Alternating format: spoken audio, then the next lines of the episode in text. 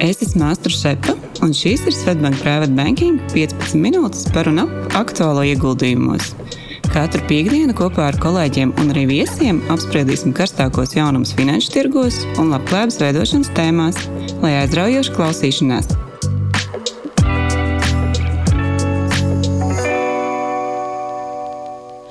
Sveiciens eh, mūsu klausītājiem! Eh, šoreiz, kā ik katru mēnesi, uz podkāstu esmu aicinājis viesi, un man ir liels prieks, ka mūsu podkāstam šoreiz ir pievienojies Jānis Praņēvičs. Čau, Jāni! Čau, Ostra! Un Jānam ir liela pieredze ieguldījumu jomā tieši profesionālajā ziņā, darbojoties finanšu sektorā, gan banku ieguldījumu pārvaldē, gan riska kapitāla fonda pārvaldniekā, gan arī tā, tā saucamajā peer-to-peer, jeb aizdevuma platformā. Un pēdējā Jāņa pieredze ir darbojoties Latvijas pagaidām vienīgajā vienredzīgā Printful. Un Jānis savu profesionālo ieguldījumu pieredzi liek lietā arī privāti un ir arī aktīvs investors dažādu veidu finanšu tirgus instrumentos, par ko šodien arī parunāsim. Tā kā Jānis pastāsta, vai vēl kaut kas ir, ko tu gribi pastāstīt par savu profesionālo pieredzi. Man liekas, Astrid, tu ļoti labi pastāstīji. Respektīvi, tas mans ceļa gājums ir sācies finanšu tirgos, pēc tam pievēršoties riska kapitālam, savstarpēju aizdevumu platformai, kur struktūrēja darījumus un vadīja pārdošanas komandu. Un tagad jau tas spektrs ir pārgājis tādā tīrā pārdošanā, printfulā. Un kā tu uzsāki savu ieguldīšanas pieredzi, kā privāti, kā tas sākās un kāpēc? Ieguldīšanas pieredze sākās visai agri. Man liekas, man bija kādi gadi 19, kad es studēju Rīgas ekonomikas augstskolā.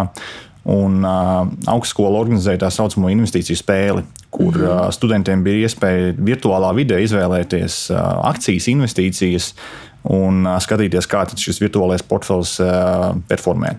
Un, uh, ar virtuālo naudu gāja ļoti labi. Un, attiecīgi, tad bija tā apziņa, ka vajadzētu kaut kur tādu nu, pirmo kapitāliņu pavisam nelielu sakasīt, kas no uh, radiniekiem tika arī aizņemts. Oh. Un, uh, tad arī pirmās investīcijas Baltijas akciju tirgū tika veiktas gan 20 gadus atpakaļ ka tas savā, savā ziņā finanšu inženierija jau tad aizņēmies, lai ieguldītu. Un kā tev veicās tiem pirmajiem ieguldījumiem? Kādas tās atmiņas pirmās? No amizantas laikam ir īstais vārds, jo eh, skatoties uz akcijām, kas tajā brīdī bija pieejamas eh, Baltijas akciju tirgū, es pamanīju tādu uzņēmumu kā Baltika. Un. Eh, mana tēze bija, ka hei, um, alus, alus patēriņš uh, nu, attīstības valstīs augs, jo patēriņš aug. Un, uh, nu, tā bija ļoti laba investīcija cēlē, manuprāt, un attiecīgi tika iegādātas Baltijas akcijas. Un liels bija mans pārsteigums pēc pāris nedēļām, kad es sapratu, ka tas nav Baltika alus ražotājs, kas patiesībā ir Krievijā bāzēts. Tas ir uh, Baltika apģērbu ražotājs un mazumtirgotājs, kas ir Igaunijā bāzēts.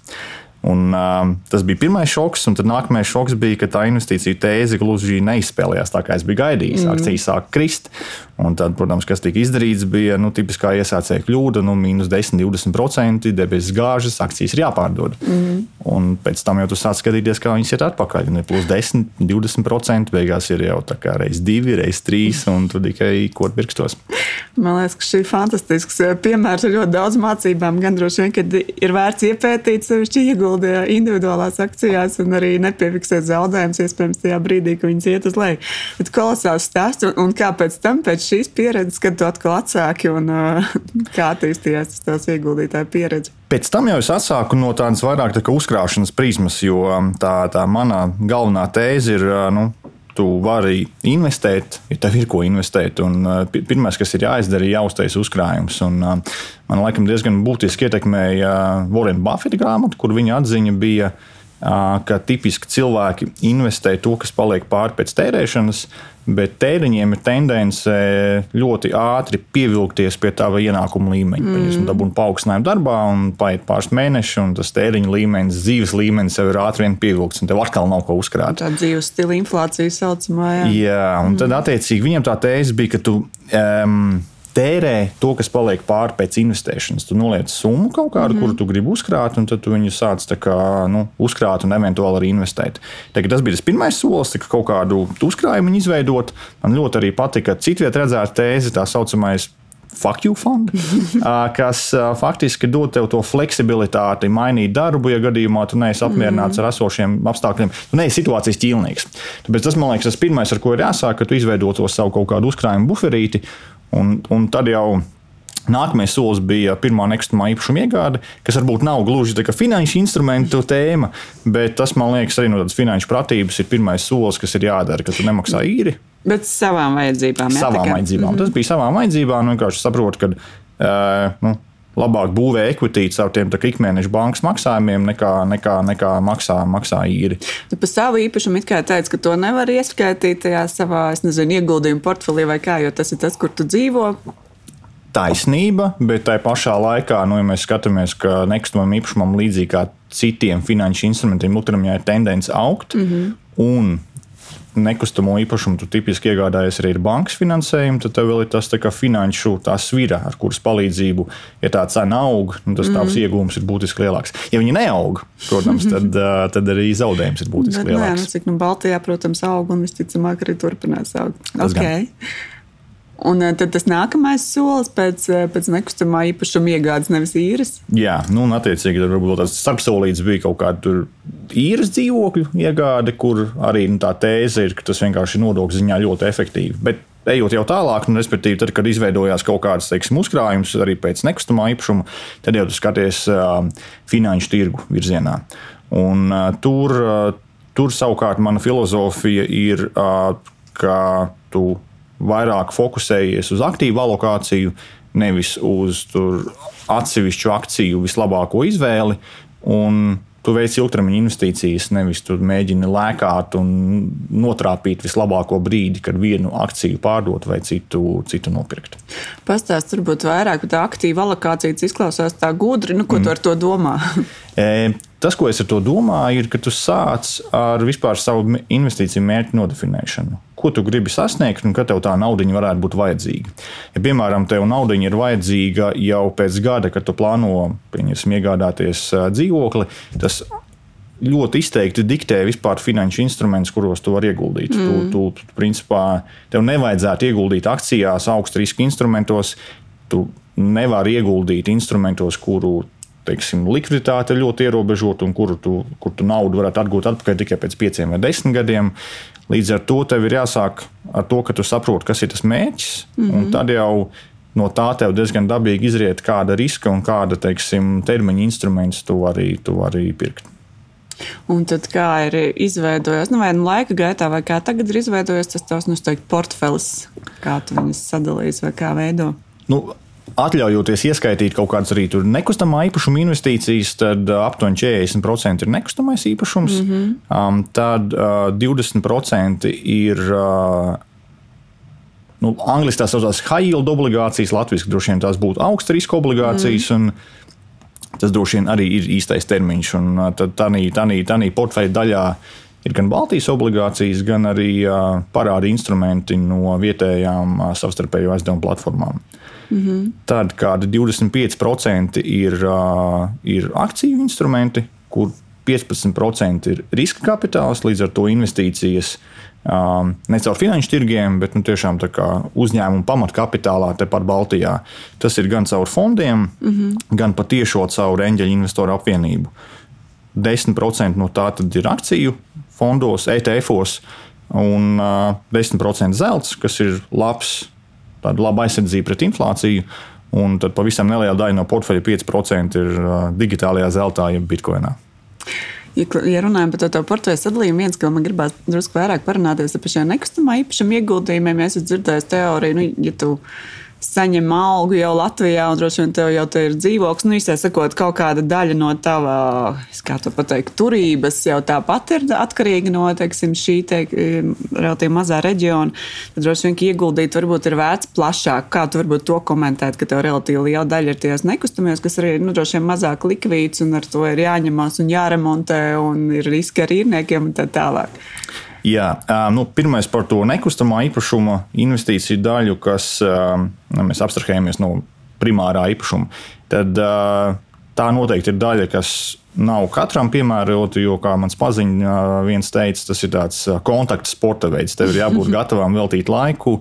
Un, un, un remontēt dzīvokli, un arī pēc tam ar īrniekiem uzturēt, uzturēt kontaktu. Mm. Um, Ja runājam savukārt par to koncentrāciju nu, kaut kādā reģionā, kur tu darbojies, tad tas ir risks, ko es apzināti ņemu un, un apzinos, ka viņš man ir. Jo arī tas teiksim, parāda instrumentu portfelis, viņš ir principā Baltijā, uz Baltiju orientēts. Mm. Um, mans akciju instrumentu portfelis arī caur riska kapitālu ar, ir ar diezgan lielu uzsvaru uz mm. Baltiju.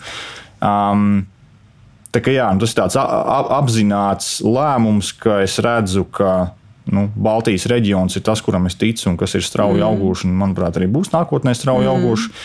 Plus man ir um, kaut kādā ziņā, varbūt tā ir tā retā situācija, kur es ticu, ka ir kaut kāda bišķiņa labāka spēja izvēlēties labākos, uh, mm. uh, labākās investīcijas.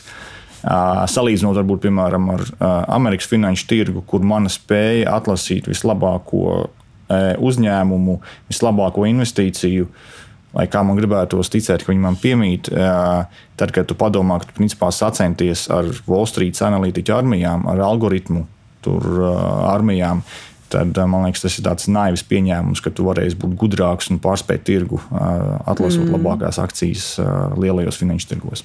Baltijā tu minēji, tev ir obligācijas pār, nu, es domāju, no tādiem Obligāci, obligācijas un nu, investīcijas savstarpēju aizdevumu platformās. Tas ir tas mm -hmm. fixed income portfelīts. Mm -hmm. Un otra daļa tad ir akcijas, kur uh, tas ir riska kapitāls, riska kapitāla fonds un mm -hmm. tiešā, tieši ieguldījumi uzņēmuma pamatkapitālā. Okay. Un tad, ja mēs skatāmies uz to, ko tu minēji, šo fonda ieguldījumus, nu, kas ir vairāk šie biržā tirgotie, kā tu varbūt raksturo to, kā tu izvērtē, kā tu pa reģioniem vai nozarēm skaties un ieguldi? Nu, tur arī droši vien tā aktīva alokācijas eh, prizma ir galvenais, kas, caur kuru es eju. Respektīvi, es gribu alokāciju uz akcijām, jo es zinu, ka tas ir instruments, kas ilgtermiņā aug un aug pietiekami strauji. Es citu atcerējos ļoti labu piemēru, kas man ehm, ļoti norezinēja par, par to, kāpēc arī um, ilgtermiņa investīcijas uh, ir, ir lieta. Skatījos raidījumu par, par sporta mašīnām, mm -hmm. un raidījums bija par Ferrari F40, kas ir. Kas skaitās viens no tādiem visu laiku. Es tādu nezinu, piedod, bet viens, viens, nu, skaitās viens no tādiem visu laiku labākajiem superauto, kas tika izlaists uh, 80. No gada beigās, 88. gadā, un tad viņš maksāja uh, 163 tūkstošus mārciņas. Un, nu, viņš ir tagad kolekcijas vērtībā, un tagad tas auto maksā vairāk kā 2 miljonus mm -hmm. mārciņu. Un, un raidījuma vadītājs viņš, viņš teica, nu, Jūs droši vien domājat, es būtu pietiekami gudrs un 88. gadā ieguldījis šī Ferrari F40, tas būtu izdarījis super lēmumu. Jo nu, mm. nauda ir vairāk kā desmitkāršota. Viņš saka, nē, jūs būtu ieguldījuši 88. gadā to pašu 163,000 SP indeksā, mm. tad tagad tie būtu nevis tie divi miljoni, ko maksā Ferrari, bet 7,5 miljoni. Respektīvi, tas tā kā tie saliktie procenti, kas tev nāk no akciju ieguldījuma, viņi ir super, super jaudīgi. Izcils piemērs, manuprāt, jā. vērts ieguldīt finanšu tirgos, nevis mašīnās droši vien.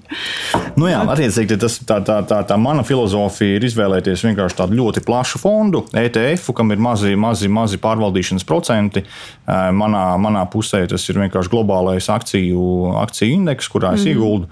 Nu, tad ir vēl papildus ja kaut kāds tāds conviction, bet, kad es redzu kādu reģionu, kuram, manuprāt, ilgtermiņā būtu jāaug vairāk, tad es varbūt tur uzlieku kaut kādu daļu no portfeļa. Tā ir Ķīna. Jā, par šo mēs pirms tam runājām. Jo par Ķīnu, nu, tā, cik es lasu un tur interesējos, nu, tas redzējums ir, ka pateicoties tām saka, ģeopolitiskajā rīvēšanās ar ASV, ka vairāk tā kā bets tagad ir uz Indiju, citām Dienvidāzijas valstīm. Kāds pastāstījāt to tā loģiku? Mana loģika droši vien bija diversificēt bišķiņu manas akciju investīcijas. Jo, ja tu skaties uz globālo akciju fondu, tad uh, vēl ar vienu, man liekas, kāds 60% tik un tā ir Amerikas akcijas pēc kapitalizācijas mm, īpatsvara. Mm. Un, nu, Ķīna tomēr patīk mums tas vai, vai nē, bet viņa ir nu, tā e, uzlacošā pasaules lielvara. Tad e, es gribēju, lai manā akciju portfelī ir uz abiem poliem kaut kāds, kaut kāds uzsvars attiecībā uz akciju investīcijām. Gan uz ASV, gan uz Ķīnu. redzēs, kuram ies labāk. Nu, jo no vienas puses, Ķīna, protams, arī, nu, ja skatās, cik bija kolosāls sniegums pagājušo gadu lielākajai daļai, lielāko tirgu un reģionu, tad Ķīnai neveicās tik labi, tā ka, nu, savā ziņā varbūt ir zemes punkts, kad kā var ieguldīt, un ja viņai ies labāk un izšaus. Taisnība, bet uh, attiecībā par investīcijām no vienas puses nekad nav īstais brīdis, kad investēt, mm. jo vienmēr vienmēr tu vari atrast iemeslu, kāpēc akcijas varētu krist. Tā pašā laikā, man liekas, tas tieši ir signāls, kas liecina, ka vienmēr ir īstais brīdis, lai in mm. investētu. Un, ja, tavā, ja tavs mērķis ir ilgtermiņa uzkrājuma, ilgtermiņa pieaugums, tad tu vienkārši veic savu aktīvu alokāciju, ieguldi, un tad tu īstenībā pat aizmirsti un neseko līdzi tā investīcija uz, dienas, nedēļas vai mēneša bāzes. Jo tam īsti nav nozīmes. Kamēr tev esi izdarījis pareizi aktīvu alokāciju un tev to naudu nevajag tur steidzamā kārtā šodien vai, vai, vai rīt. Tev ir vienalga, kas notiekās ar, ar akciju cenu starptermiņā līdz tam brīdim, pēc 10, 20, 30 gadiem, kad tev varbūt to naudu vajadzēs. Starp citu, par šo man arī jautājums. Tad pastāst, varbūt, kā tu iegūti, vai tev ir teiksim, regulārie maksājumi vai tāda ikmēneša summas, ka tu atveries vai tu iekrāji vairāk. Nu, kāda ir tā tā pieeja? Un arī par to sekošanu līdz pēc tam, vai tu to arī ievēro, ka tu iegūti un tu neskaties desmit gadus, kā tur iet. Jā, nu šeit, šeit laikam ir tā kā, tā kā kurpniekam ar caurām kurpēm, kur es dodu gudrus padomus, bet, bet to ievērošana ir tā, kā ir. Jo attiecībā uz pašu ieguldīšanu man tomēr tā tendence vairāk no sākuma kaut kādu nu, lielāku summu uzkrāt un tad izdomāt pēc aktīva alokācijas, kur man viņu vajadzētu novirzīt. Mm -hmm. Um, tas noved pie tā, ka reizēm nu, tu tomēr sāc domāt, vai šis ir īstais brīdis investēt vai nē. Līdz ar to prātīgāk, nu, ko es tagad arī sevi mudinu, ir nu, katru mēnesi atlikt summu X un tad arī viņu, viņu automātiski principā, ieguldīt. Par sekošanu līdzi, nu, caur to pašu Google Finance var ļoti ērti uztaisīt portfeli, kas tev ir uh, finanšu tirgos un skatīties, kā viņam iet. Uh, nu, Es gribētu teikt, ka es viņu droši vien apsūdzu tikai reizi gadā, bet nu, tomēr līdzīgi kā ar sociālajiem tīkliem, tā tendence viņu atvērt ir biežāk un tā interese pēc pastīties, kas tad īstenībā ir. Tos tīklus jau parasti katru dienu atver vairākas reizes, ir tik bieži vai? nu, katru dienu gluži nav, bet nu, uz to pusi, protams, ir, zin, kā tev tur mm. viena poga tikai jānospiež un tu vari redzēt, kas ir pa dienu noticies, nu, tad tā, tā tendence ir. Um, bet tu arī novēro, ka tu veic kaut kādas rīcības, ja tev liekas, ka tur, nu, Tu apskaties, satraucies, kāds ir kaut kas tāds. Lielākoties neveicu rīcības, nu, es teikšu, es no Baltijas piemēra esmu mācījies, bet nu, kaut kādu mentālo kapacitāti tas droši vien tomēr paņem, un tu sāc domāt, vai tu esi, nu, vai tu esi pareizajos aktīvos, vai tev tomēr kaut ko nevajadzētu darīt. Un, nu, droši vien tāds nirvānas stadija attiecībā uz investīcijām ir tāda, ka tu veic savu investīciju, tu par viņu aizmirsti, tu nevēl, nevēl tam nekādu mentālo enerģiju, un tev ir, tev ir sirdsmiers. Jo, ja vien mēs neesam investīciju vidē, kā nodarbē, kā ar kuru mēs pelnām savu pamatiztiku, tad tam vajadzētu būt kaut kam nu, tikpat fonā esošam, un nemanāmam un neinteresantam kā zobu tīrīšanai droši vien. Šis ir interesanti. Mums bija iepriekšējā epizodē podkāstā, mēs runājām jā, par to, cik ieguldītāji ir racionāli. Tur, man liekas, bija kolosāls pētījums, ko es stāstīju par to, ka izpētīts, nu, ja nerunājam par profesionāliem investoriem, tieši tā, kuriem ir gan kompetence, gan laiks ar to intensīvi nodarboties, tad nu, tie privātie, kas saka, vidēji investori, ka jo viņi biežāk tirgo akcijas, jo viņiem sliktāks rezultāts dienas beigās. Kā, nu, tas man liekas par to nirvānas stadiju, pa ko tu saki, to iekšējo mieru ieguldīt un to iekšējo mieru saglabāt. Jā, jā, es arī to pētījumu esmu redzējis. Un, mm. un, un, jā, jo biežāk tu tirgojies ar akcijām, jo lielāka iespēja, ka tas rezultāts patiesībā būs vājāks nekā ja tu būtu nopircis un mierīgi sēdētu. Mm. Kaut kāda, varbūt par tiem arī taviem ikdienas paradumiem, vai, vai par to, kā tu varbūt izglītojies par to ieguldījumu tēmu. Tu kaut ko lasi papildus, interesēs, tad, protams, tie arī tā profesionālā pieredze iepriekšējā. Bet profesionālās pieredzes ietvaros es esmu liekas, izlasījis kaudzi ar grāmatām un ar pētījumiem par, par, par investēšanu. Šo, šodien ikdienā jau tā, tā, tā, tā ikdienas sekošana noteikti ir mazāk finanšu tirgiem. Um, tā pārliecība ir, ka finanšu tirgi ilgtermiņā iet uz augšu. Mm. Man ir jāveic uzkrājums un jāveic investīcijas, lai, uh, lai vecumdienas būtu nodrošinātas principā. Un, uh, nu, Tāpat kā es par zobu tīrīšanu droši vien baigi nelasu daudz ikdienā, tā arī par finanšu tirkiem es patiesībā baigi daudz nelasu, godīgi sakot. Bet, nu, droši vien es daudz pirms tam gan izlasīju. Tā varētu teikt. Tūlēties noslēgumā man vēl bija jautājums. Tu minēji arī par šīm riska kapitāla investīcijām un tādu, nu, kas droši vien tāds arī riskantāks, mazāk likvīds gals. Zinu, tu esi arī tajā bēdēdies fondā, man liekas, varbūt tur īsti pastāstīt, jā, par, nu, tu arī teici, ka tu liec bet uz Baltiju tādā, varbūt savu redzējumu par šo pieeju. Jā. Um, nu, riska kapitāls, kāpēc man patīk, kā instruments, ir, ka tu dabū pieeju agrīniem, agrīnas attīstības stadijas uzņēmumiem, uh, kuriem ir ļoti liels potenciāls. Bet arī risks, protams, ir mm. būtiski liels. Un, um, Baltijas reģions jau sevi ir parādījis kā, nu, tāds, kā jaunu uzņēmumu, jeb startupu kalve, no kurienes nāk daudzi veiksmīgi jaunu uzņēmumi, vienraidži tā saucamie, kuru mm. vērtība ir miljards un vairāk. Un, um, attiecīgi, caur riska kapitālu, man liekas, ir ļoti forša iespēja gan veikt investīcijas, kurām ir liela sadarbības potenciāls, gan arī nu, savā ziņā atbalstīt vietējos uzņēmumus un dot viņiem to, to starta kapitālu, izdarīt lielas lietas un nest Latvijas vārdu pasaulē. Kā tu varbūt mitigē to risku? Nu, vai tu iegūti ļoti daudzos veidos ar fondu, tad sanāk, lai būtu tas Man ir gan fonds, kur mm. attiecīgi, kas atspoguļo līdzīgi arī to manu finanšu tirgu filozofiju, ka es neesmu pats gudrākais un es labāk uzticu to aktīvu vai akciju atlasi kādam pārvaldniekam, kas mm. to spēj izdarīt labāk nekā es un kurš, to, kurš tam velta visu savu ikdienu. Uh, Bet nu, viņš jau rokas tomēr niezēja un gribējās arī pamēģināt investīcijas atsevišķos, atsevišķos uzņēmumos. Bet jo vairāk es to daru, jo vairāk nāk tā man pārliecība, ka to vieglāk un prātīgāk būtu darīt patiešo, nu ne patiešo, bet caur fondu, kur es dabūnu gan diversifikāciju, gan arī nu, ekspertīzi fondu pārvaldnieka paskatā, kurš veic to atlasi un pēc tam arī to investīciju pārvaldīšanu. Mm. Okay.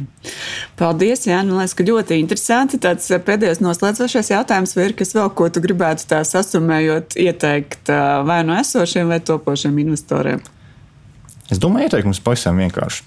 Uzkrāt, sākt investēt, domāt par investīcijām ilgtermiņā un uh, galvenokārt investēt tiešām fondos ar zemām izmaksām.